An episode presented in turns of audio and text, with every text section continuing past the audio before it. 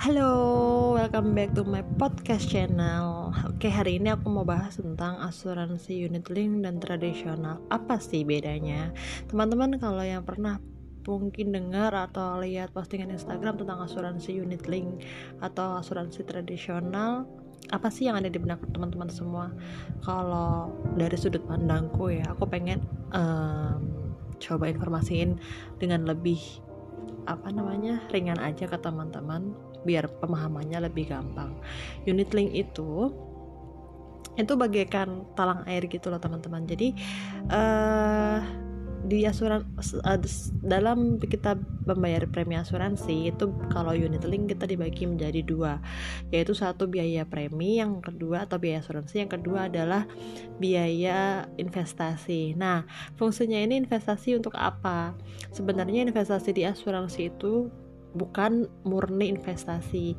Bisa dibilang investasi ini adalah backup atau cadangan ketika si nasabah uh, tidak bisa membayar biaya asuransi lagi atau mungkin uh, kadang kan keuangan seseorang itu kan bisa naik turun ya teman-teman.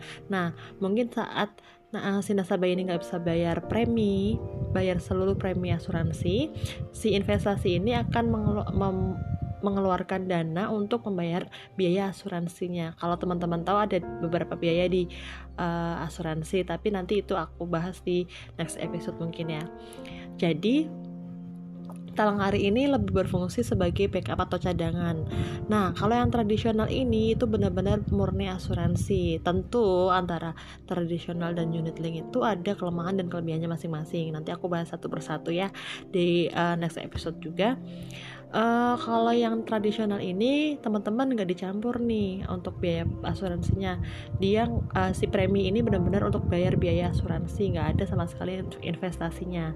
Tapi seiring berjalannya waktu, si tradisional ini juga punya beberapa kelebihan juga ya teman-teman. Salah satunya nih aku uh, buka di sini di tradisional itu ada yang premi pasti kembali itu yang tradisional sedangkan di unit link mungkin teman-teman uh, bukan dijanji investasi ya tapi asumsi nilai uh, investasi ketika nanti 10 atau 20 tahun bahkan 30 tahun ke depan. Nah, dari situ teman-teman bisa pilih nih asuransi mana sih yang benar-benar cocok untuk teman-teman. Tapi teman-teman, asuransi unit link ini sebenarnya uh, menurutku banyak loh uh, orang yang maksudnya di Instagram atau di dunia luar sana banyak orang yang bilang ah rugi nih punya asuransi unit link.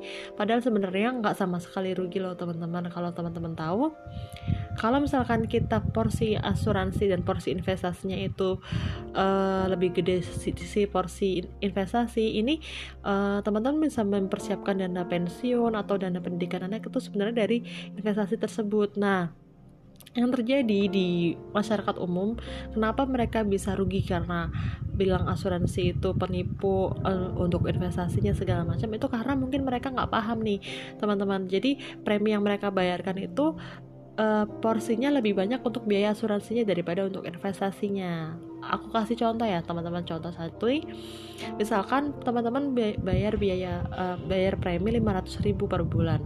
Ternyata si agent itu nggak informasi ini. Ternyata teman-teman itu untuk investasinya itu cuma 100 ribu per bulan sedangkan untuk asuransinya itu 400 ribu per bulan. Nah kebanyakan agent enggan memberitahu seperti itu karena kalau misalkan uh, porsi asuransi itu untuk investasi uangnya dia nggak dia dapat uh, komisi itu kecil ya maaf ya teman-teman.